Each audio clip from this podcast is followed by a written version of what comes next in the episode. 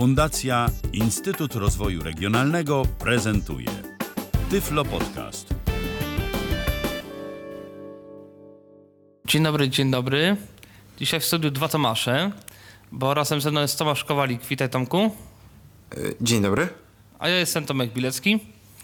I dzisiaj y, sobie porozmawiamy z Tomkiem o, o pracy. E, Może na początek powiedz Tomku, gdzie pracujesz? Jako kto? Gdzie pracuję? Oficjalnie to stanowisko moje nazywa się no, chyba po prostu programista. A pracuję, to już się tak bardziej y, y, reprezentatywnie można powiedzieć nazywa. To jest dział rozwoju oprogramowania. E, A pracuję w firmie 3S. To jest taka sobie firma na Śląsku, która się zajmuje e, dostarczaniem światłowodów, e, internetu ogólnie dla różnych firm. No i, i to tyle w sumie. To tak tam pracuję właśnie. I to tyle. I to jeszcze ze swojej strony podpowiem, że Tomek Kowalik oczywiście, e, jak to w tym podcaście zazwyczaj bywa, jest niewidomy. I sobie właśnie dzisiaj porozmawiamy tak o jest. tym, e, sobie porozmawiamy o tym, jak to jest, y, czy osoba niewidoma może być programistą. Znaczy, no, może być programistą, z tego wynika.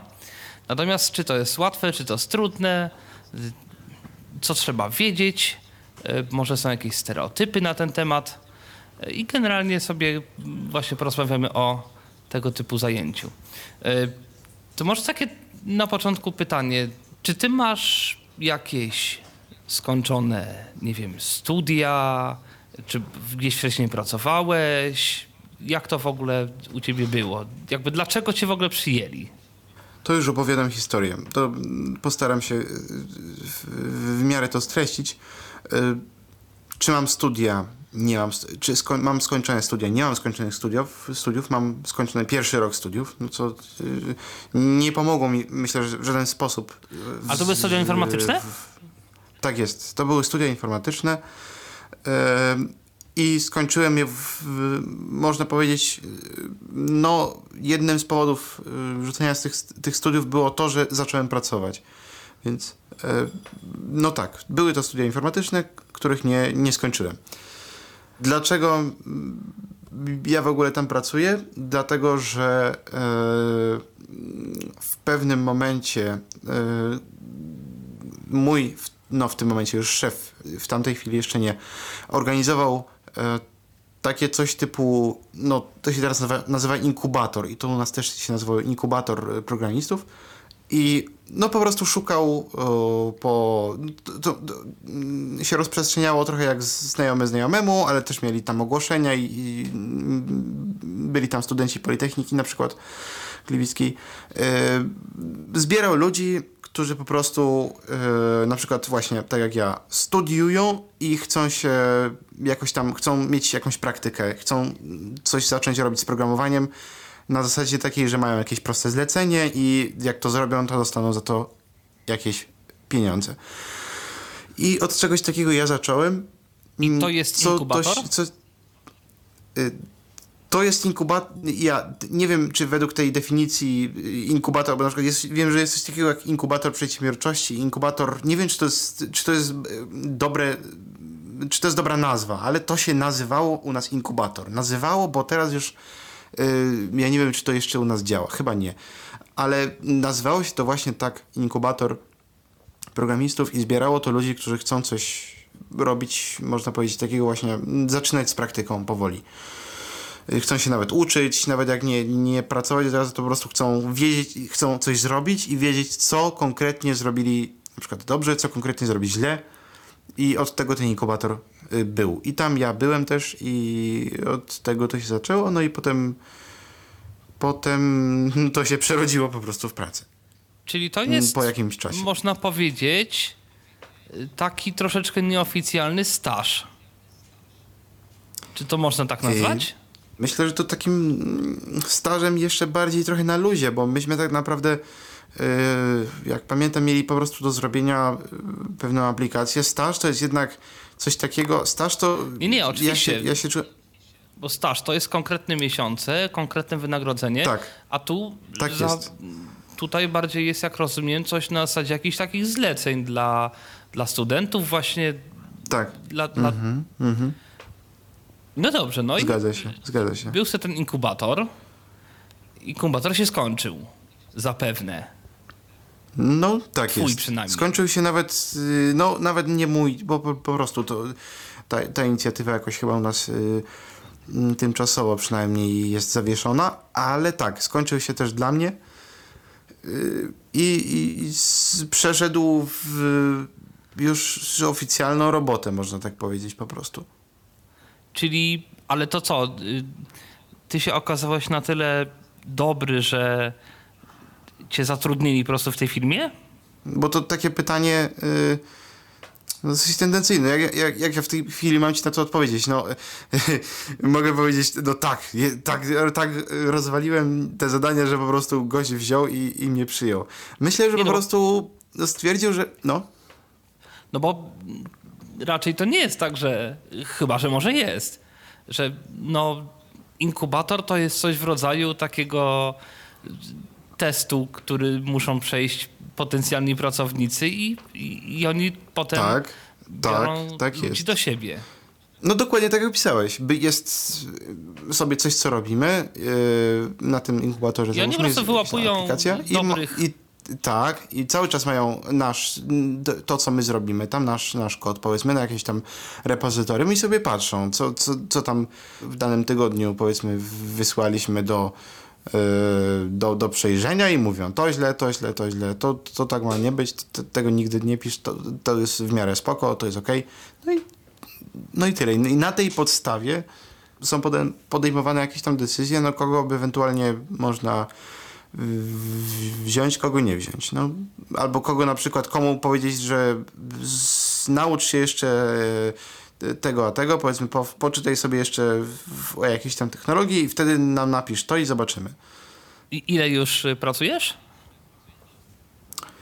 Pracuję w tym momencie już będzie e, ponad rok, bo w listopadzie zacząłem. W listopadzie zacząłem właśnie już ten okres e, takiej pracy, normalnej pracy. Zeszłego roku oczywiście.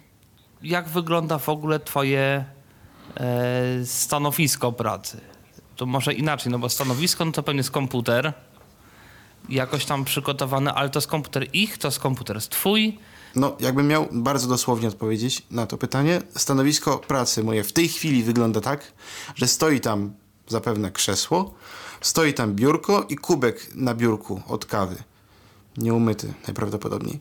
I Czyli tyle. standardowe To jest koniec stanowiska. stanowisko pracownika informatyki. Tak. No, dokładnie. Nie, nie, bardzo dobrze to ująłeś. Dokładnie tak. A jak ja tam przychodzę, wzbogaca się to stanowisko o komputer, który przywożę sobie. I, a, przepraszam, jeszcze klawiatura jest. Klawiatura jest na miejscu, bo się mi jej nie chciało wozić. I to jest jedyna rzecz taka, której używam. No, klawiatura to jest jedyna rzecz, którą faktycznie mam jakby od, no, firmową, można powiedzieć, klawiaturę mam. Tak. Nie mam swojej, mam Czyli tylko, ty mam, masz a resztę, swój komputer, resztę, pewnie Tak, laptopa, tak jest. a inni pracownicy mają komputery też swoje, czy raczej to są komputery biurowe? To jest różnie, przeważnie mam, y, ludzie u nas mają kupowane komputery po prostu z firmy, które mogą sobie brać do domu, mogą sobie zostawiać jak tam, jak tam chcą. Niektórzy mają takie rzeczy, takie coś typu Mac, coś typu ten Intel NAC, do, dokładnie nawet in- Intel NAC nawet chyba tam, tam się znajduje, coś, coś tego typu właśnie, albo, albo po prostu laptopy.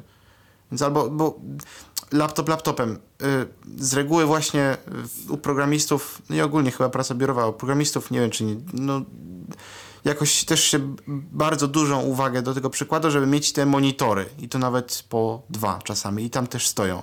U mnie tak samo też zapomniałem wspomnieć na początku, jak o tym stanowisku, od jakiegoś czasu niedawna stoi też monitor. Taki sobie. Ale Biedny, bo biedny, mało, bo komputer, mały, ale stoi. Bo, bo ci nie dali, czy ty nie chciałeś? Nie, ja nie chciałem, ja stwierdziłem, że tak mi jest wygodniej. Ja nie chcę e, synchronizować sobie e, automatycznie, czy półautomatycznie, czy w ogóle w jakikolwiek sposób synchronizować sobie pracy między tym yy, co zrobiłem w, no jakby w biurze i u siebie. Nie chcę tego być uzależnionym od, od jakiegokolwiek tam repozytorium, dlatego mam swój komputer, świadom, to jest taka moja świadoma decyzja i mogłem mieć spokojnie komputer taki przez yy, firmę jakby kupiony. Jeżeli już jesteśmy przy tym, co mogli, czego nie mogli, y, jak to było? No bo przychodzi do nich facet, co nie widzi, i oni mają z nim zrobić coś. Głównie to się w ogóle udało, dlatego że człowiek, którym bezpośrednio jakby mnie zatrudniał, on nie jakby. On jest strasznie, strasznie otwartym człowiekiem, nie widział przeszkód. Taki, taki slogan już yy, wszędzie, wszędzie słyszany, wszędzie no, ogadany, jakby zacytuję, ale jednak no, to w sumie z, yy, u tego człowieka to się sprawdziło, bo on po prostu nie, jakby nie widział przeszkód. Ja mam taką teorię, że nie do końca jakby, no po prostu on nie wiedział jak jeszcze będzie ze mną pracował. On poruszał ten temat, jak była taka powiedzmy ta nasza rozmowa e, kwalifikacyjna, ale on no, nie wiedział, no siłą rzeczy nie mógł, nie mógł wiedzieć, jak ja tam dokładnie z tym pracuję i w głównej, w głównej mierze ja mam wrażenie, że to był trochę taki eksperyment. I jak to było? To byś się musiał zapytać, bo to, to tylko z mojej perspektywy ja bym ci powiedział, że to było no, dosyć normalne, no bo e, ja powiedzmy, jak tam zaczynałem pracować, no to yy, to, co ja tam zrobiłem, to sobie tam wysyłałem na, na, na jakieś repozytorium typu Git i yy, powiedzmy tam ktoś, ktoś inny mi to sprawdzał, potem ja coś tam poprawiałem. Taki, takie, taka normalna praca powiedzmy, albo czasami ja coś sprawdzałem i ja, no, no tyle w sumie z mojej strony, bo dla mnie to było normalne i ja też y, mam wrażenie, że inni jakby przyjmowali coś takiego, że okej, okay, on, to, on to robi, on to, on to napisał. Okej, okay, nie odbierałem tego jak zawsze, o, może to było takim jakby inne od, od wszystkiego, że z reguły wszędzie, gdzie przychodziłem z, z komputerem, czy miałem styczność z komputerem i byli tam ludzie, którzy widzieli i z, z komputerami byli, z informatyką byli niezwiązani, to zawsze było coś takiego, że wow, jak to, jak to robisz, ej, pokaż to. Tu to było w, dosyć takim minimalnym stopniu. Wiadomo, było to zaciekawienie tym, jak to gada, jak to szybko gada, ale bardzo szybko po prostu przeszliśmy nad tym, że tak się wyrażę, do, do porządku dziennego i, i po prostu, no okej, okay, no jakoś to ogarnia. Jakiś czas temu po, yy, ludzie się mnie pytali, w sumie z jakiego ty edytora korzystasz, czego ty tam używasz? Yy, jak się dowiedzieli, że piszę w zasadzie w, w notatników, czasami w Notepadzie Plus, nie lubię się tym chwalić, ale z drugiej strony jest to jakiś tam, no jestem bardzo przyzwyczajony do tych edytorów, to powiedzieli, wow, w ogóle jak ty tam ogarniasz cięcia i takie znaczy, rzeczy. Też o softie to chciałem troszkę później, bo zapomniałem się o to zapytać wcześniej, a to też jest chyba dosyć ważna rzecz. Czy to jest mhm.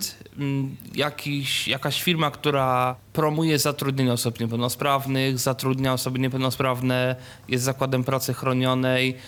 Jakby, czy ma coś wspólnego w ogóle z niepełnosprawnymi? Nie ma absolutnie nic. E, powiem ci tylko tyle, że ludzie, to tu jest takie moje doświadczenie, boją się, w, jest takie zjawisko, że mm, ludzie mm, strasznie jakby jest niewiedza w tym temacie i boją się zatrudniać e, osoby niepełnosprawne, znaczy to mnie konkretnie, e, na umowę o pracę na przykład z tego powodu, że budynek jest niedostosowany i nie wiadomo w sumie, co tam trzeba porobić i, i będą jakieś kontrole i tak dalej. E, ta firma w ogóle nie jest związana z jakkolwiek, no chyba, że tylko to powiązanie przyjmiemy, że ja tam pracuję e, z osobami niepełnosprawnymi. Ja tam chyba jestem pierwszy. Mm, no tak, pewnie tak. E, I jest bardziej tego typu problem, że po prostu jest E, nie wiem, czy no tylko u nas tak się zdarza, bo my, my jednak nie jesteśmy, to nie jest e, taka aż duża korporacja. Może e, jak, jak już są te strasznie duże, duże firmy, duże korporacje, to oni już mają to ustandaryzowane, jak, jak z tymi ludźmi niepełnosprawnymi się, co, co z nimi robić, mają tam jakieś oddziały, no my jednak nie i, i, i no, może to jest problem właśnie w takich y, średnich firmach, że może być problem tego typu, że ludzie się będą bali, bo ich jakaś kontrola tam złapie albo oni tam mm, czegoś y, nie będą musieli mieć. Chociaż w rzeczywistości nawet nie, nie wiem, jak to jest. Czy oni by musieli faktycznie mieć jakieś dostosowania pomieszczeń, czy to jest tylko taki. Mm, czy to była tylko taka obawa, można powiedzieć, y, po przejrzeniu jakichś tam dokumentów nie, nieuzasadniona? Nie wiem, ale ważne jest to, że taka obawa się pojawiła. Ale to zostało jakoś rozwiązane? Tak, po prostu nie jestem zatrudniony na umowę o pracę. A w jaki sposób? To są ciągle zlecenia? W jaki... Tak. Ale to była moja świadoma decyzja. Jakbym chciał, to myślę, że mm, bez problemu można by tą umowę o pracę przepchnąć. Y, to, był, to jest już kwestia taka moja prywatna, że ja y, strasznie jakby nie lubię ludziom robić problemów. Ja stwierdziłem, ok, to ja, ja chcę tak i zostawcie to tak. Ja nie chcę y, robić, żeby y, jakieś tam kontrole, nie kontrole. Ja to chcę zrobić, zostawić tak i proszę to zostawić tak. No i przyjęto to jakby, no okej. Okay. No ciekawe. Myślę, że jakby mm. ktoś był bardziej y, skupiony na tym, żeby tam, na tych formalnościach, żeby faktycznie mieć znaczy... umowę o pracę, te wszystkie urlopy, te, te wszystkie rzeczy związane z tym, że się faktycznie ma tę umowę, to no, myślę, że tutaj nie byłoby u mnie problemu, a, a w innych firmach, takich też mniejszych, nie wiem. No. To może warto by się dowiedzieć. Może słuchacze coś napiszą w komentarzach. Natomiast a propos właśnie takich obaw, to czy jeszcze były jakieś obawy właśnie, no zwłaszcza na początku, tak? No bo przychodzi człowiek, o którym nic nie wiadomo. Zazwyczaj mówi się w ogóle, zwłaszcza na różnych listach środowiskowych, grupach i tak dalej, że te pierwsze rozmowy kwalifikacyjne to są zawsze trudne, problematyczne. Tu jest milion pytań, milion obaw. U ciebie też tak było? Nie, na, na rozmowie zdecydowanie nie. Myślę, że jedyne jakieś tam obawy to mogli mieć ludzie, no po prostu między sobą, jak, jak rozmawiali po prostu, jak widzieli, że tam będę pracował, no to jak to w ogóle będzie. E, ale jakby ja się nie spotkałem z tym bezpośrednio. No i w zasadzie nie wiem, czy to jest kwestia tego środowiska, w którym ja pracuję, że to są no było, nie było programiści i oni jakoś tam z tą technologią, no okej, okay, no jakoś tam ogarnia, okej. Okay. Czy to jest no nie wiem, kwestia akurat tylko tych ludzi, nie wiem. No nie jestem w stanie powiedzieć. Nie mam na tyle doświadczenia, nie, nie, nie odpowiem na, na to pytanie tak szczegółowo. Ale no ja tak naprawdę z obawami, jak już coś zna mam, miałbym znaleźć, to, to, to, właśnie to, o czym wspomniałem przed chwilą, że faktycznie HR miał z tym, miał z tym jakiś problem. I to był taki problem, no większy, że tam już ktoś, kto się znał, faktycznie wykminił, że są te, te problemy z tym budynkiem i to coś by trzeba było z tym zrobić. Ale jak, jak mówię, ja się to nie zagłębiałem i też yy, nie chcę tutaj nic, nic więcej mówić. Po prostu się nie znam na tym. Więc, yy, może można by to było, te obawy jakoś rozwiać w taki inny sposób, że potwierdzić na, na zasadzie dokumentu, że faktycznie nie trzeba i i można to zrobić normalnie. Z innymi obawiami, czy ja się w sumie spotkałem? Mm, nie, bez, no bezpośrednio jak mówię. Mm, nie. Okay. Na pewno było dużo, dużo rzeczy, y, o których ludzie jakby nie mówią. No jestem w stanie tego zweryfikować też nie rozmawiając z nimi. Z jakimiś ludźmi typu już na przykład nie nasi programiści, tylko nasi ludzie wewnętrzni w firmie, dla których się robiło y, jakieś zlecenia. I robiło się na przykład im jakąś tam, jakiś moduł w aplikacji, albo jakiś tam raport, albo coś. No, ja się jestem w stanie założyć a wszystko, że oni na pewno mieli obawy. No, byliby bardzo nierozsądni, jakby nie mieli. Jak on to zrobić, jak on to ogarnie, czy on to ogarnie. No nie dzielili się ze mną tym, ale no na pewno mieli. To, to, to tak, tak mi się wydaje.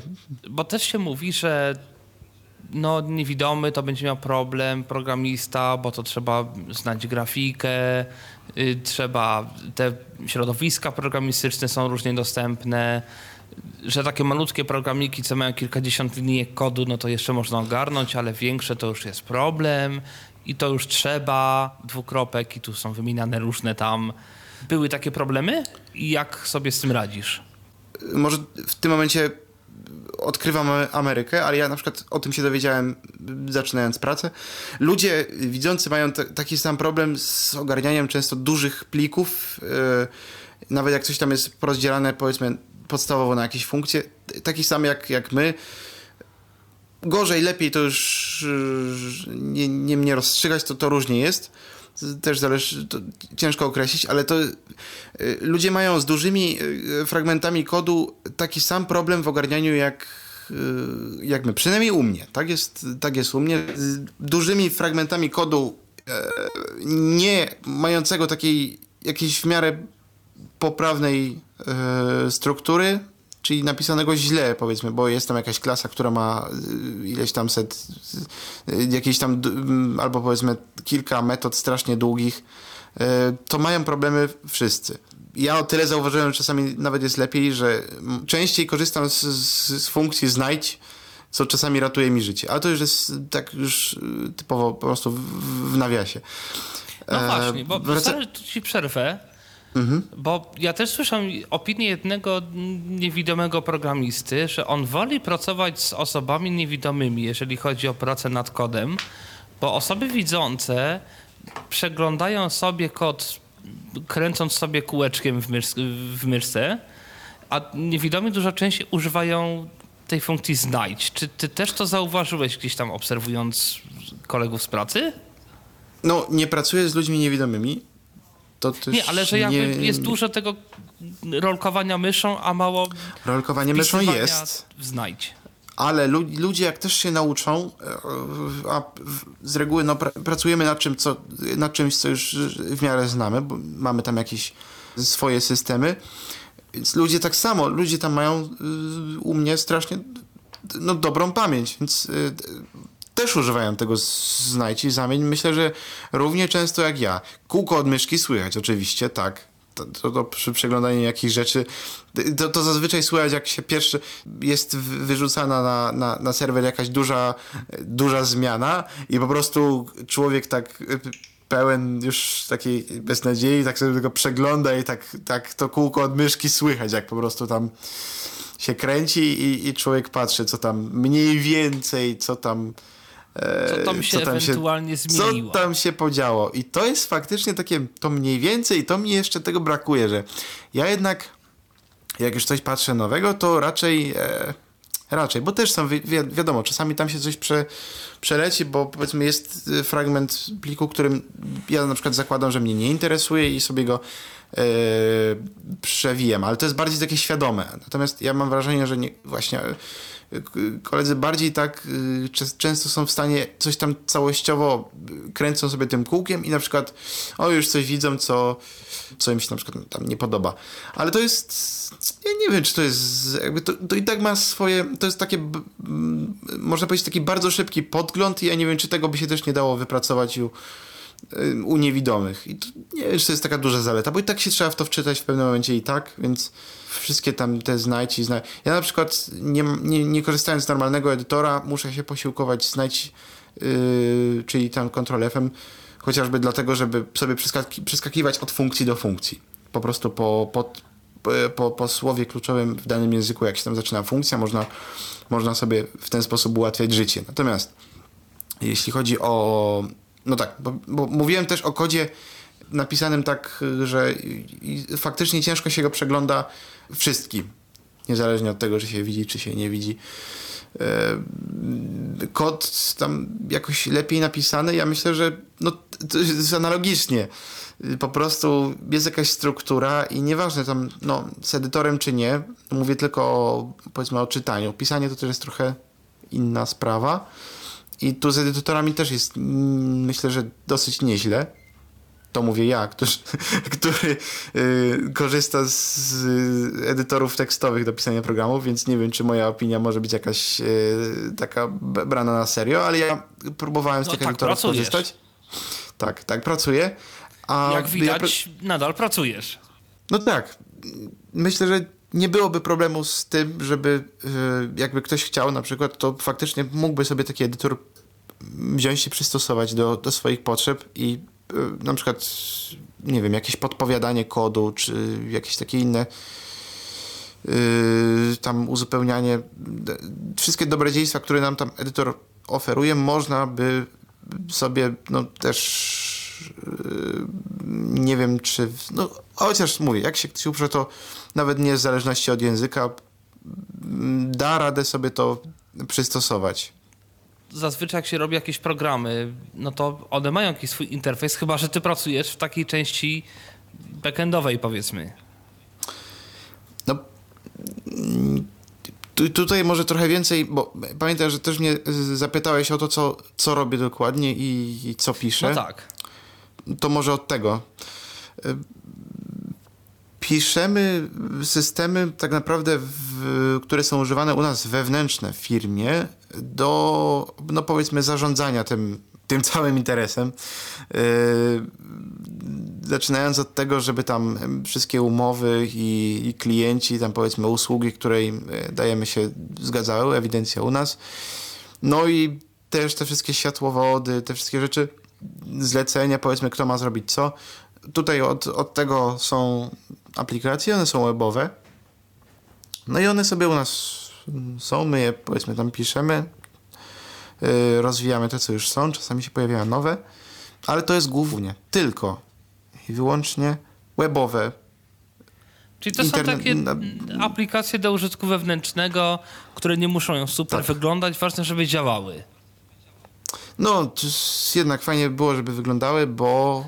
No znaczy, tak, ale jak, nie muszę mieć interfejsu czytelnie... 3D, na, na, nie no, wiem, jakiejś no animacji, nie, nie, nie, jakieś no nie wiadomo co. Po prostu ma to być funkcjonalne przede wszystkim. Nawet nasz, nawet panel klienta też w sumie takich, yy, takich super cudów nie ma, a to jest aplikacja jednak, którą się komunikujemy jakby no z zewnątrz można powiedzieć, no bo z Światem klientem. zewnętrznym. Tak. tak. No i to yy, na temat tego, co robię tak w przybliżeniu. A wracając do tej części twojego pytania, pytałeś o, o, to, o tę grafikę. No to jest różnie, bo u nas na przykład y, często to nie jest wydzielone i jak coś robię, muszę się zajmować kodem po stronie serwera, powiedzmy tam PHP i czymś, co jakimś JavaScriptem, czy tam mm, takimi rzeczami, które już są po stronie powiedzmy przeglądarki. No i tu czasami tam trzeba, nie, no, ja muszę się zagłębiać w jakieś y, takie frontendowe, wyglądowe mm, kwestie. E, natomiast to wygląda zazwyczaj tak, że po prostu ja układam jakąś tam strukturę, robię coś tak jak y, czasami trochę nawet na, można powiedzieć, na kolanie, a potem tylko daję to komuś, chociaż często tak się też kończy, że nie i po prostu tak zostaje. I podobno to nie są e, najgorzej wyglądające części naszej aplikacji, ale jak jest e, coś większego do zrobienia, to daję to komuś do przeedytowania, względnie przerobienia pod względem widoków, bo czasami po prostu nawet zostaje, jak jest dobrze aplikacja napisana, to zostaje e, czysty HTML do przerobienia i tam jakieś style, które można, ktoś, ktoś weźmie i poprawi tak, jak już ma to być napisane. Ale, bo ty mówisz, że robisz to jakoś na kolanie. Ty jesteś w stanie jakoś zweryfikować, jak to wygląda? Nie wiem, czy wzrokiem, czy czymś innym, czy po prostu robisz tam jakoś i może to zadziała? Czy jestem w stanie. Znaczy, no, jestem w stanie o tyle, o ile ogarniam yy, sobie w, w, głowie strukturę powiedzmy jakiegoś tam HTML-a, który wygeneruje. Co więcej, ja myślę, że bo to moje nakolanie to się odnosiło bardziej do tego, że ja nie, nie przykładam do tego jakiejś y, takiej większej uwagi. Powiedzmy, y, y, dla mnie się liczy, że po stronie, po stronie serwera tam robi się co trzeba, dane są sprawdzane, jest tam taki, taki komunikat o błędzie, jak to jest nie tak i okej. Okay. Ale myślę, że jakby się ktoś niewidzący zawziął, to e, już chociażby korzystając z takich rzeczy jak jakiś tam bootstrap, czyli takie coś już gotowe, w czym tylko w jakimś HTML-u e, ustawiamy sobie, jak co ma być w jakich kolumnach, gdzie rozłożone, to myślę, że nawet ktoś taki by mógł sobie zrobić no, taką w miarę przyzwoicie wyglądającą stronę. No, kolory ewentualnie, czy tam takie rzeczy, to myślę, że albo jakiś odpowiedni artykuł z Wikipedii, albo, albo ktoś widzący jednak mimo wszystko, ale taka strukturalna, strukturalne coś, to myślę, że jakby się ktoś zawziął, to, to można by nawet zrobić yy, bez tego późniejszego poprawiania. Ja jednak mam, mam ten komfort, że czasami y, po prostu ktoś może ten widok wziąć i, i po mnie go po prostu poprawić. I A ty jesteś stwierdzam, osobą że nie, nie całkowicie niewidomą. Mhm. Tak, tak, bo pytałeś czy wzrokiem. Nie, wzroku absolutnie nie, nie wykorzystuję, bo, bo, bo nie mam czego. Jedyne co mam to, to co jak widzę, to jak mi to czyta screen reader, no i to co widzę w kodzie. No i to, tylko tyle mam. To, ta, tylko tak widzę I to po co prostu robię. wzroku nic. Nie, nie, absolutnie. To teraz może jeszcze właśnie się zajmijmy, bo tak, ty mówisz, że programujesz głównie rzeczy webowe. No tak, zgadza się. Przynajmniej do tak służbowo, że tak się wyrażę. Służbowo. No dobra, a Tak. to w takim razie, y, no bo też mówiliśmy sobie, jak to stanowisko wygląda tak fizycznie, sprzętowo, to w takim razie jak to wygląda programowo? Programowo to wygląda tak, no już część zdradziłem, No część tak. ale oprócz, oprócz yy, prawda, edytora jest też zwykły yy, czytnik ekranu, mm, NVDA akurat w moim przypadku, ale jakby nie, nie sugerowałbym się tym. Jakoś przy, przy ewentualnym, nie wiem, jakby ktoś chciał coś zacząć programować czy coś, no nie wiem, no każdym, myślę, że wszy- wszystkim się da. Jak ktoś tam ma JOSa, to, to sobie używa JOSa. Ja mam NVDA. I programowo, no co, no przeglądarka w moim przypadku, jakieś tam kilka takich rzeczy typowo, mm, które już mnie się przydają, na przykład tam do edycji nagłówków, czy tam podglądania nagłówków. To już typowo takie techniczne rzeczy właśnie, które się przydają u mnie, jak coś mm, chcę sobie sprawdzić, czy, czy mi się na przykład tam dobrze z serwera wysyła. No ale to już jest typowo właśnie ten webowy aspekt. To już tam bym się we wtyczki nie zaglądał do, do przeglądarki. No i co, no, z, programowaniem, mm, no to tyle. No. Jeszcze, o, bardzo, bardzo ważna sprawa w moim przypadku, e, odtwarzacz dźwięku, bardzo przydatny. To ja muszę sobie czasami coś puścić, żeby, żeby mi się, jaką, jakąś ładną melodię, żeby mi się dobrze pisało. I to tyle. Koniec. Całe... A, ale to nie jest coś takiego, że ty masz jakiś, y, jakieś coś, co ci dźwiękami pokazuje coś tam na, na stronie, tylko tak po prostu, po prostu dla siebie. Dźwięk, dźwiękami, w sensie takim, że... No nie wiem, że nie wiem, jakieś rzeczy, które widzący mają na ekranie, to ty sobie tam dźwiękami jakoś to pokazujesz. To nie o to chodzi. Nie, nie, nie, nie, nie, nie, nie. To też nie ukrywam, że może by się i dało zrobić jakąś y, taką prezentację, że faktycznie teraz są wszystkie te, te wtyczki do, do NVDA, więc znowu, jakby ktoś chciał bardzo się w, skupić na tym, żeby e, zrobić coś, co już jest, nadaje się od razu praktycznie do wrzucenia na produkcję, od razu do użytku, z, z wyglądem tak jak trzeba. Myślę, że ten twój pomysł, który właśnie powiedziałeś, też by się nadawał. Ja z tego nie korzystam. Ty z tego nie korzystasz. Nie mam takiej potrzeby. A teraz y, może jeszcze troszkę powiedz, bo ty to kiedyś mówiłeś jakoś tam prywatnie e, na temat komunikacji z pracownikami, bo z tego co pamiętam, to tu też miałeś jakiś, jakiś problem i jakoś z niego wybrnąłeś. To znaczy komunikacji takiej na odległość powiedzmy. To jest inna kwestia, bo y, to jest teraz różnie. Y, myślę, że w, w jakiejś części firm, takich właśnie, które już mają, ch- chciałyby sobie jakiegoś takiego komunikatora używać, będą na przykład takie, takie komunikatory jak Slack, albo innych, których, y, których nie znam i nic nie powiem o dostępności. Mm, Ja ze Slacka korzystałem jeszcze, y, korzystałem na początku w tam bardzo dobrze nawet w ten, w ten sposób, że sam wysyłałem e, ręcznie zapytania HTTP, żeby wysłać wiadomość na serwer, bo nie byłem w stanie korzystać z tego interfejsu, e, który Slack, czyli ten, ten komunikator oferował. Teraz już jest Był niedostępny? lepiej. E, Znaczy, to była też kwestia tego, że ja to e, tego, z, z tego korzystałem na dużo słabszym komputerze i to była e, to, że był, był niedostępny. W zasadzie nie, ale korzystało się z niego tak wolno i to wszystko tak wolno chodziło. To nie był też problem mój, to, to jest w ogóle problem taki ogólny. Te aplikacje często się po prostu zachowują bardzo. wymagają strasznie dużych. Dużej ilości E, zasobów. Tak.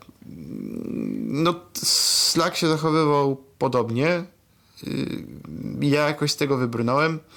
E, No, mówię, mogę teraz jakiś tam taki bardzo konkretny przypadek mój y, omawiać, bo ja z tego wybrnąłem też tak, że potem się okazało, że na przykład Slack ma spokojnie y, wyjście do IRCA, czy tam do Jabera i jakoś się tam można do niego y, z zewnątrz podłączyć. Potem się okazało, że faktycznie ten interfejs jakoś tam nawet jest y, do użytku, jak się ma dobry komputer.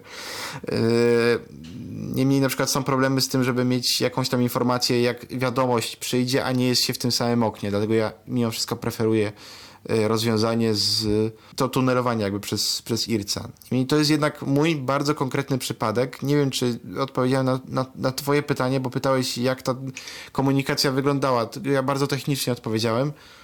Y, No trochę o to chodzi, no bo to był- podejrzewam, że no, tej audycji mogą słuchać osoby, które chciałyby w przyszłości gdzieś tam zostać, jakby pracować w tym zawodzie właśnie.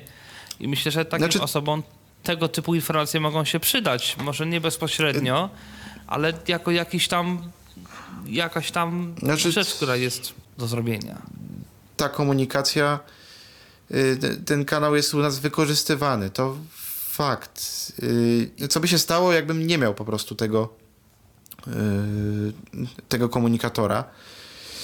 Jakby faktycznie się nie dało nawet, powiedzmy, tam napisać czegoś swojego, bo na przykład to jest, by- byłoby kompletnie zamknięte, ani nie miałoby wyjścia do IRCA, albo jakiś inny. Nie wiem, no ja myślę, że tak moja odważna teoria jest taka, że y, u mnie na przykład byłbym w stanie powiedzieć, że słuchajcie, panowie, jest taki problem, że ja na przykład z tego nie skorzystam i spróbujmy y, to, a to, a to. I na przykład proponuję jakieś rozwiązanie. Y, Bo ja mam, mam tego świadomość, że to nie zawsze musi być tak. Ja mam wrażenie, że strasznie miałem wygodnie, bo nie dość, że miałem komunikator, który raz, że ma jakieś tam otwarte rzeczy, mogłem sobie pisać swoje skrypty, którym tam wysyłałem wiadomości. Dwa, że jakoś to tam jest jednak mimo wszystko dostępne, a ktoś może trafić na, na coś, co no w ogóle nie, nie ruszy nijak, bo, no, bo, no bo tak to będzie napisane i, no i nic na przykład nie zrobi i co wtedy? No i mam wrażenie, że wtedy właśnie e, to jest najważniejsze, żeby się nie poddać i mieć pomysł, jakby, jakby e, rozwiązać ten problem nietechnicznie. W większych korporacjach nie wiem, jak to będzie. No, może być różnie. Nie jestem w stanie się wypowiedzieć. A czy jest coś takiego, co cię w tej pracy jakoś zaskoczyło? No bo podejrzewam, że zanim przyszedłeś do tej pracy, miałeś jakieś wyobrażenia, jak to wszystko będzie wyglądało i jak wyglądało zderzenie tych wyobrażeń z rzeczywistością? Jak już wspomniałem, tak mi się wydaje, troszeczkę wcześniej, może się powtórzę, ale ja zauważyłem, że dużo problemów mam i ja, i, i ludzie, którzy widzą i też programują i muszą z tym kodem jakoś pracować. Co więcej, większość, może, można powiedzieć, że kilka z tych problemów, ym, które mam tylko ja, wynika tylko i wyłącznie z tego, że na przykład y, nie chce mi się przysiąść y, kilku dni powiedzmy i dostosować to sobie jakieś tam już swoje środowisko pracy na jakimś takim y, bardziej profesjonalnym edytorze. Wtedy jeszcze, jeszcze bardziej by się ta moja praca zbliżyła do do pracy z tym kodem ludzi, ludzi, którzy widzą. Ale mnie najbardziej zdziwiło to, że mamy faktycznie często dokładnie te same problemy, bo jednak ta pamięć ludzka i ten mózg jest, mi się wydaje, że to, to działa bardziej podobnie niż, niż nieraz się wydaje i po prostu no dokładnie tak samo to działa, że ludzie też nie są w stanie zapamiętywać mówię jakich ilości kodu naraz e, ze schematami, bo myślę, że tego nie wspomniałeś, a, a tego się mogą ludzie też obawiać, że, że będą jakieś schematy, będzie coś zaprojektowane, w jakimś, jak, będą jakieś diagramy i teraz będą tylko te diagramy i będzie trzeba z tego zrobić y, jakiś kod. Nawet bardzo niedawno mogę taką y, historię przytoczyć. Mieliśmy sobie do zaprojektowania taki y, bardziej złożony system do, do inwentaryzacji wszystkich urządzeń, które mamy, tam switche, nie, nie switche, routery, takie rzeczy. I byłem na e, projektowaniu, siedzieliśmy sobie prawie cały dzień i, i omawialiśmy jak to ma wyglądać, powstał z tego taki fajny e, fajny PDF, oczywiście ja go nijak nie, tam nie mogłem przeczytać, odczytywanie go no, nie miało większego sensu, tam jakieś nazwy urządzeń, czegoś takiego były, ale tam te wszystkie rysunki czy coś takiego to no, nie za bardzo. Jest drugi dzień, trzeba by coś tam w końcu zacząć pisać, coś tam zacząć programować, no i ja tak akurat dostałem takie zadanie i nie, nie byłem tam czegoś pewien. No i tam mówię do kolegi, że ty weź zobacz na ten na tego PDF-a tam jest taki, no taka, czę, taka część tego, tego schematu. Weź mi ją opisz i czy tam ty mniej więcej pamiętasz o co tam chodziło? On mówi, tak, jasne, pamiętam. No i bierze ten bierze ten rysunek, bierze, bierze tego PDF-a i tak się okazuje, że w sumie, no akurat w tym przypadku, który ja opisuję, ta możliwość, że on sobie może spojrzeć na ten rysunek, no niewiele mu dała. No, możliwe, że ten diagram, czy tam coś takiego było akurat nie za fajnie zrobione, ale już się ileś razy u nas z tym Czyli spotkałem, on że... nie zrozumiał de facto. Że, że tak, to było, było ileś takich przy, przypadków, że ja po prostu akurat, co, co ja zauważyłem, yy, najważniejszą u nas kwestią jest to, że często opis zadania jest niejasny i czegoś tam, coś tam z niego nie wynika. Co z tego, że jest PDF, co z tego, że jest schemat, jak jednak i do mnie, i do ludzi, tych, co ze mną pracują, najbardziej kurczę przemawia to, co jest tam napisane i zrób, trzeba zrobić to i to i to. Jednak ten tekst, kurczę, nie wiem, no u nas przynajmniej tak mam wrażenie, że do ludzi bardziej przemawia. Czyli te PDF-y niby są, ale są w zasadzie to to jest potem Nikt pomocne, czyta. jak już trzeba konkretną rzecz sprawdzić i ty czekaj, czekaj, czekaj, bo ja już tu y, patrzę na tego PDF-a i a, faktycznie idą dwa łącza od tego tam, tego. I to faktycznie, jak trzeba konkretną rzecz sprawdzić, ale ludzie mogą być dokładnie tak samo zagubieni na, na rysunku, yy, nie mając odpowiedniej treści zadania jak ja. To, to jest dokładnie to samo. Nie, nie widzę tutaj prawie żadnej, y, żadnej przewagi. Nie wiem, jak to wygląda na przykład, nie wiem, u ludzi, którzy e, może mają te diagramy zrobione jakoś lepiej, po, po, poopisywane. Nie zdziwię się też, jakby ktoś miał odpowiednią determinację, że dałoby się te diagramy, jak one są w jakichś tam UML-ach, czy w, w jakichś takich językach, w, w, w, czymś, co da się przetworzyć i da się z tego z, zrobić jakieś coś takie bardziej dla nas. Nie zdziwię się, jakby te diagramy też bardziej, co, co bardziej profesjonalne, dałoby się po naszemu y, jakoś obczaić. Ja zupełnie z czymś takim nie mam styczności, nie mam potrzeby. Yy, tym bardziej, że widząc właśnie ile yy, daje to ludziom, którzy, którzy ze mną pracują, nie warto. Akurat nie warto. czysto mówię dla, dla siebie, w moim przypadku. Czyli u ciebie nie było problemami ani z grafiką w sensie takim, że ty miałeś zrobić grafikę, ani z takim, że ty dostałeś grafikę i miałeś coś z niej rozkminić. To znaczy, jakby nie był to problem ściana, nie do rozwiązania, nie do przeskoczenia. Nie był to problem. Yy, problemy, yy, no ktoś, kto na przykład, co się, może, co się może zdarzyć? Dostajemy zgłoszenie od klienta, że coś nie działa. W treści zadania, którą można przeczytać, bo jest yy, tekstowa, pisze na przykład jak w zgłoszeniu albo jak poniżej i załączony mamy JPEG albo PDF. Nie to jest jakiś tam albo skan maila, albo inny zrzut ekranu. I co wtedy? FineReader bardzo sobie z rzutami ekranu radzi. Ja bez, bez nikogo tam, bez, ża bez żadnej tam mocy byłem w stanie już określić, że aha, dobra, okej, okay, to jest z tym problem, to, to zrąbałem, to trzeba poprawić.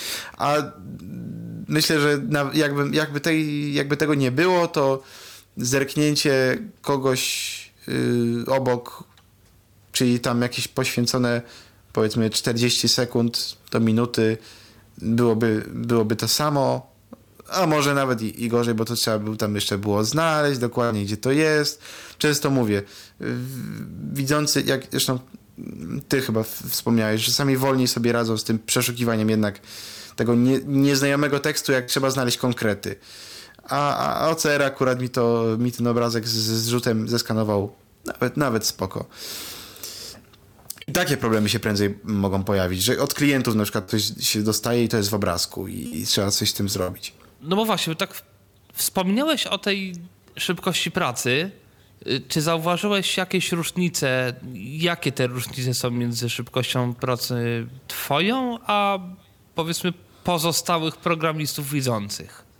Różnice są tylko z tego powodu, że y, ktoś ma już w edytorze jakąś tam funkcję podpowiada, podpowiadania klasy i ja muszę otwierać y, źródła frameworka, w którym piszemy i szukać sobie tam w bebechach, z czego ja tam chcę skorzystać, a ktoś wpisze pierwsze kilka liter i już ma.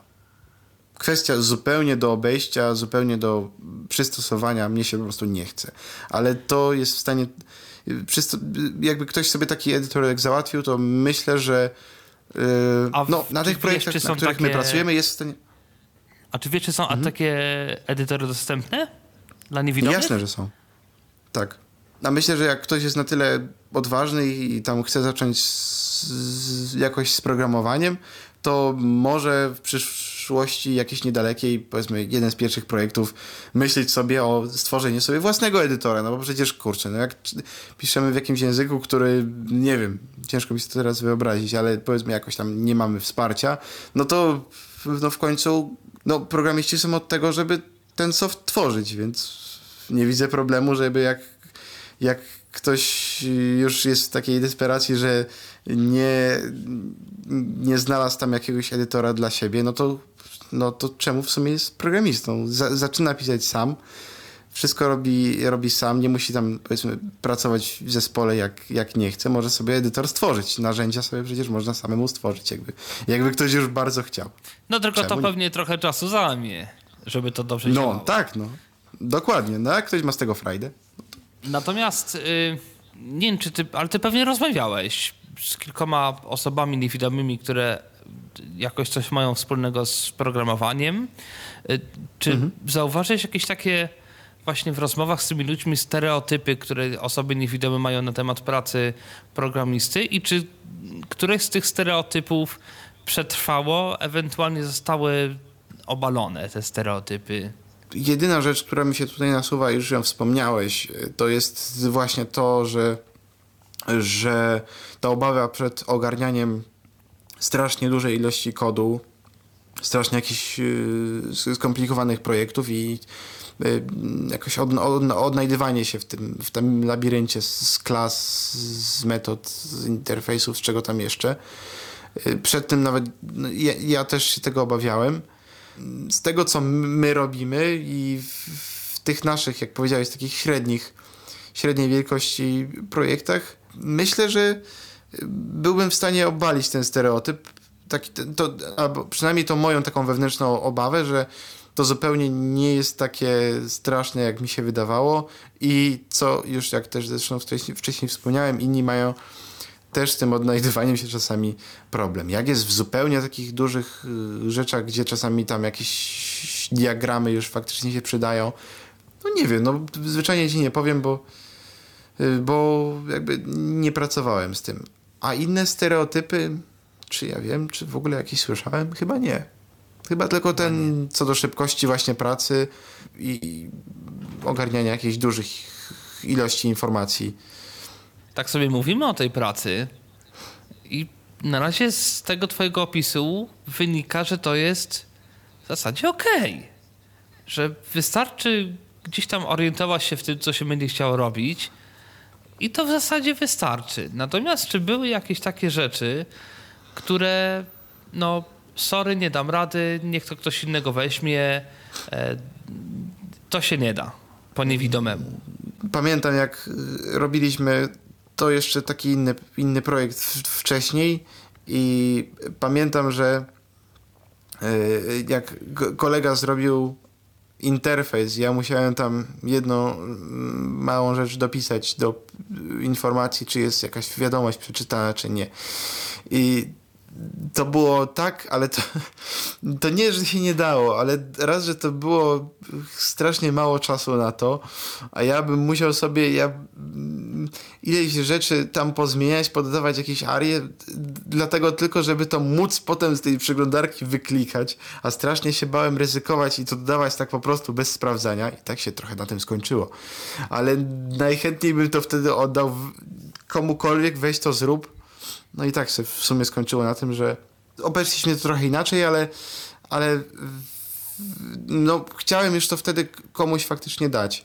Czy, czy jeszcze były jakieś takie, takie rzeczy? No, na przykład, nie wiem, yy, robiliśmy komponent do aplikacji, który wypluwał pliki w Wordzie czy tam w Excelu, jakieś takie prozaiczne sprawy typu jakieś formatowanie, coś takiego, jak, żeby te kolumny się tam nie, nie nachodziły jedna na drugą. Tak, to ja mówiłem od razu, niech to ktoś zrobi, tam są tylko popisane miejsca na zmienne, gdzie to ma być, niech to ktoś yy, niech to ktoś poformatuje.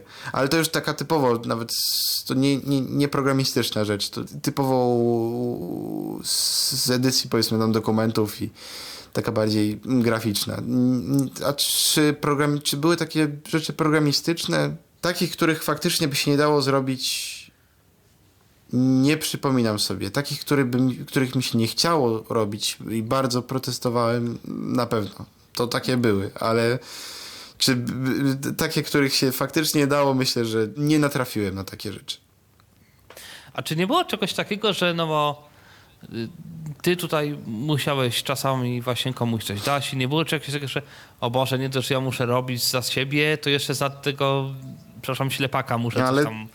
Ale to ludzie, zrobić. to jest na porządku dziennym, że ludzie sobie dają, bo nie ogarniają i ktoś już robi jakąś część, bo coś mu tam pójdzie szybciej, a ktoś coś już ma powiedzmy tam gotowe, bo wie, jak, wiedział jak to zrobił wcześniej, jak ktoś jeszcze wie jak się komunikować z jakimś tam systemem, to ludzie się Czyli jak często rozumiem, jest takie coś, że się to wymieniają. należy do normalnej praktyki, że, że każdy sobie... Tak, zwłaszcza, że... Jakiś tam...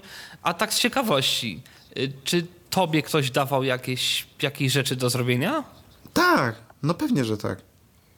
Czyli to jest to jest tak, że ty coś dasz komuś, tak, a ktoś da nieraz coś I to często działa na zasadzie wymiany i to jest bardzo praktyczne, po prostu czas się zyskuje. Weź ty to ode mnie, bo ja też będę babrał i co z tego, że ja to zrobię, a tu już wszyscy poumierają ze starości, zanim ja to porobię. Weź ty to, ja ci ogarnę to API, bo ja już pamiętam, jak to pisałem i pamiętam, co się tam dokładnie wyrąbywało. No i to na takiej zasadzie mniej więcej działa. Powoli zmierzając do końca tej audycji, mm jakieś porady. Powiedzmy, jest ktoś, kto powiedzmy znałby się na programowaniu, jest gdzieś z swoich okolic, yy, chciałby, znaczy może nie wiem czy z swoich okolic, ale w każdym razie powiedzmy myśli o pracy w tego typu firmie, to czy masz jakieś porady dla, dla ludzi, którzy albo się jeszcze uczą, albo chcą się uczyć, albo się już trochę nauczyli? Porady? Ja wiem, ja bym po prostu spróbował, no. Bo, bo potem to często już się może coś wyklarować e, w trakcie tego spróbowania, a jak się nie spróbuje, to nic nie ma. Myślę, że e, często, no, główny problem może być, że ktoś nie spróbuje, bo jak ktoś spróbuje, to się potem nagle może okazać, że, że więcej jakiejś tam chęci, inicjatywy mogą mieć e, ci ludzie, którzy tego kogoś zatrudniają, bo tam na przykład ktoś się taki znajdzie, kto ewidentnie będzie chciał pomóc. Ja tak miałem. Więc ja największy problem miałem ze spróbowaniem. No to jak ja miałem problem, to zakładam, że inni na przykład też mogą mieć problem, no to stwierdzam, Czyli że... Czyli zawsze największe strachy we własnym umyśle. Tak, strach przed, przed czymś, czego się nie zna, no bo skąd ja miałem wiedzieć, jak to będzie, zanim, zanim zacząłem. Potem to już nie był strach, potem to już było, jak to, jak to zrobić, jak to rozwiązać. To już bardziej był problem natury takiego, jak, no, tak, tak jak powiedziałem. A jakieś, to, to tak. nie wiem, porady a propos, znaczy nie czy są jakieś takie uniwersalne, ale może właśnie jakieś porady a propos, nie wiem, może z oprogramowania, może sprzętu, może e, jakiś, nie wiem, no, jakiś słuchacz myśli o, o, o pracy w czymś takim i czy jest coś takiego, co fajnie by było, żeby wiedział, zanim gdziekolwiek zacznie pracę? ja myślę, że większość słuchaczy tutaj już się może poczuć, jakby zupełnie nie będzie miała problemu słysząc to, to moje słynne y, pisanie w takich prostych edytorach, a ludzie często już właśnie, mm, nawet tacy, no co się sami uczą po prostu programować, już jakieś takie cokolwiek bardziej skomplikowane środowisko ogarniają, więc tym bardziej nie będzie problemu ja jestem bardziej królem prowizorki, więc ja nie wiem, czy tu jakiekolwiek mądre porady bym mógł, e, jakichkolwiek mądrych porad bym mógł udzielić. To naprawdę nie jest dobry pomysł. E, myślę, że e, na przykład zamiast tak jak ja testować jakieś tam rozwiązania, pisząc swoje skrypty w Pythonie i odpytywać jakieś tam rzeczy, robić zupełnie takie, tak jak powiedziałem, prowizorkę, to użyć jakiegoś specjalistycznego oprogramowania. Ale to taki inny wniosek, skoro ja to zrobiłem tak i działało i y, było ok, to znaczy, że się da, więc nawet jakby to specjalistyczne oprogramowanie nie było z jakichś tam powodów, ktoś by nie mógł z tego skorzystać, to no to po prostu trzeba próbować na wszystkie niekoniecznie jakiś tam swój cel osiągnąć. Nie przychodzi mi nic mądrzejszego do głowy od tego, co teraz powiedziałem. Niestety. To, żadnych innych porad nie będzie. Niestety. To, żadnych to tyle z mojej strony. Będzie. Czyli po prostu próbować. Próbuj. A może się uda. Myślę, okay. że ktoś, kto już jest na wyższym jakimś tam poziomie, to i tak już sobie własną drogę znajdzie. A tak mnie się przynajmniej wydaje, że próbujemy zachęcić tych, którzy już coś sobie tam tworzą, ale nie, gdzie ja programistą? Nie, no tam napisałem sobie jakiś tam skrypcik, ale no to tyle. Więcej nie ogarnę. To myślę, że do tych bardziej. No to ja jestem, można powiedzieć, prawie na tym etapie, a mogę z ludźmi pisać aplikacje, na przykład webowe i jakoś to, jakoś jesteśmy w stanie współpracować. A dla ludzi, którzy już swoje tam metody znają, no to nie wiem, czy jest. Ja nie mogę żadnych porad skierować, bo to, bo to nie ma jakby nie ma sensu. Okej. Okay. To też chyba powinienem wcześniej zapytać. Skąd się dowiedziałeś o tym, że w ogóle jest coś takiego jak inkubator? Przez Facebooka. I przez, przez proponowane Facebook. wydarzenia. Warto się rozglądać, warto patrzeć co jest w okolicy. Tak, nie no, tylko czekać, aż dokładnie. ktoś coś zaproponuje, tylko jak to zwykle bywa, wychodzić z własną inicjatywą, szukać, rozglądać się, bo może się okazać, że to zmieni, jak to się mówi, zmieni nasze życie. No tak, może to takie dosyć proste i oczywiste, że tam no trzeba wychodzić, no ale trzeba, no, no tak. Ale trzeba. No to tym optymistycznym w sumie akcentem myślę, że można by zakończyć tę rozmowę. Ja tylko przypomnę, że razem ze mną w studiu był Tomek Kowalik. Ja nazywam się Tomek Bilecki. I oczywiście zapraszam do komentowania audycji, nie tylko moich, ale wszystkich audycji. No i do usłyszenia w kolejnym odcinku Tyflo Podcastu. Był to Tyflo Podcast. Pierwszy polski podcast dla niewidomych i słabowidzących.